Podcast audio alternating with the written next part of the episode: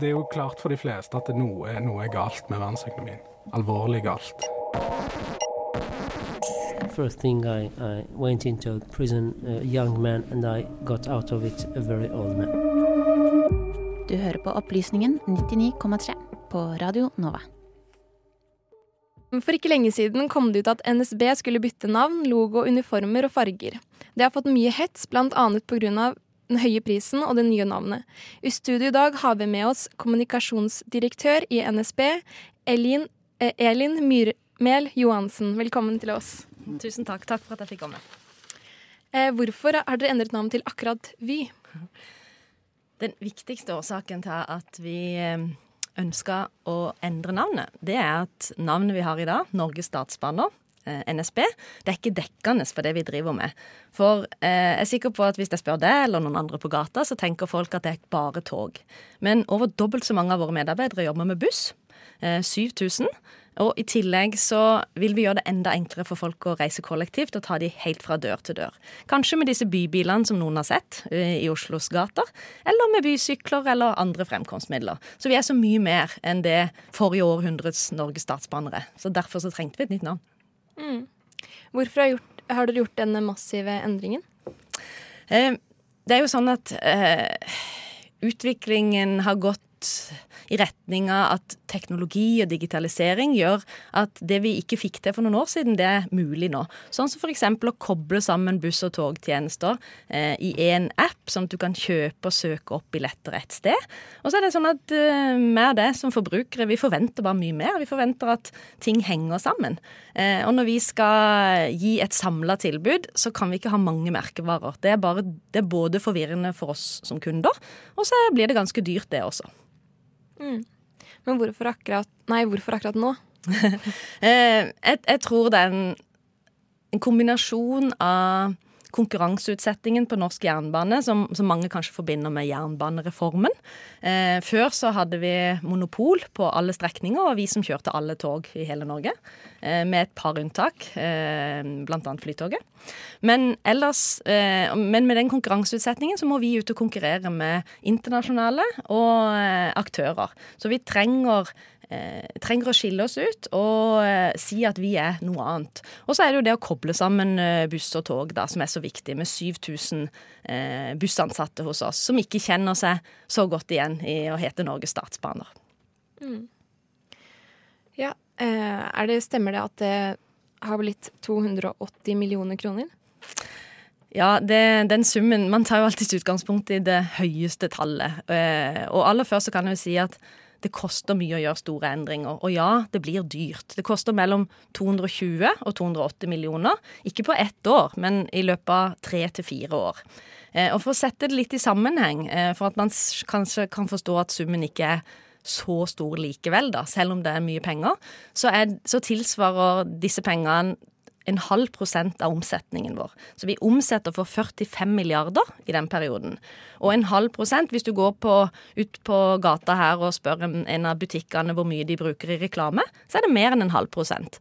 Så i forhold til andre bedrifter som er konkurranseutsatt, så er det ikke en veldig, veldig stor sum. Og så hadde vi måttet bruke kanskje 80% av disse pengene uansett, fordi alle som jobber i tog, måtte jo hatt nye uniformer. Eh, hvis de skulle hett NSB f.eks., og vi hadde beholdt navnet. Og vi måtte jo ha malt om alle disse bussene også, og, og gjort noe med logoen. For den gamle logoen inneholder jo et, et veldig tydelig togsymbol, så vi måtte gjort grafiske endringer. Så, så det er ikke sånn at eh, eh Ja. Og så tror vi jo helt klart på at dette skal komme kundene til gode. Hvis ikke så kunne vi ikke forsvart å bruke så mye penger. Mm. Og så er det jo mange som sier at eh, heller bruke peng pengene på å stoppe forsinkelser. Men er det egentlig dere som står for de forsink forsinkelsene? Vi har, vi har, fått veldig mange gode forslag til hva de pengene skulle brukes til. Eh, og det er jo Det viser engasjementet som er Det er jo fantastisk å kunne lese hvor mye følelser og, og gode ideer folk har til, til hva man kan bruke pengene på. Og det å få toga til å gå har vel kanskje vært gjengangeren. Eh, og aller først da så må jeg si at eh, det vi gjør på merkevare nå, det kommer ikke til å gå utover det arbeidet vi gjør på kvalitet og punktlighet. Vi jobber knallhardt for å få alle toga til å gå når de skal, men, men det er riktig som du sier 85% av alle forsinkelser har vi ikke ansvar for. Det er ofte feil på infrastrukturen, og infrastruktur er da et eh, begrep som, som rommer alle togskinnene du ser, strøm, eh, sviller, eh, signalanlegg f.eks., og det er det Bane NOR som har ansvar for. Og så er det veldig mye vær i Norge som gjør at eh, krevende værforhold også gjør at togene stopper. Men, eh, men det er prioritet nummer én for oss, så, så, dette skal ikke gå utover punktligheten. Mm. Eh, hvordan er det å være midt i en sånn storm? Sånn storm? Det er både litt vondt og godt. Det er, det er sånn at det å få så mye oppmerksomhet eh, og ha det gir oss en mulighet til å fortelle historien. Eh, og den benytter vi oss av. Og det er stas å være her i dag og på alle andre steder hvor vi kan fortelle hva eh, Vy er for noe, og hva vi skal levere og gjøre kollektivtrafikken enklere for eh, folk i Norge og Sverige. Eh, samtidig så er det jo litt vondt, og vi har jo også hatt litt vondt sjøl, for det å kvitte seg med en, med en merkevare du er glad i, det gjør jo faktisk litt vondt. Vi mener det er nødvendig, men eh, ja.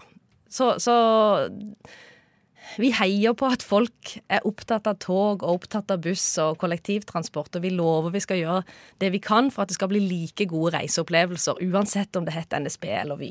Mm.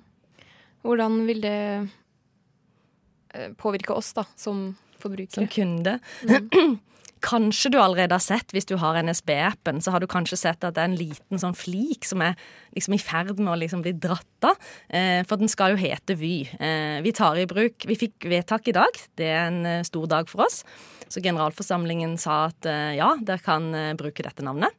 Eh, men det er ikke før 24. april vi skal virkelig ta det i bruk. Eh, og da vil eh, appen komme selvfølgelig med, med ny logo, nettsidene blir nye. Vi skal koble ut på høsten, så får du se alle medarbeiderne våre, både i tog og buss, i helt like uniformer og nye uniformer. Og togene og bussene begynner å bli malt om og reprofilert. Eh, det tar lang tid, altså. Et par år på toga. Men i løpet av året så er alle bussene klare.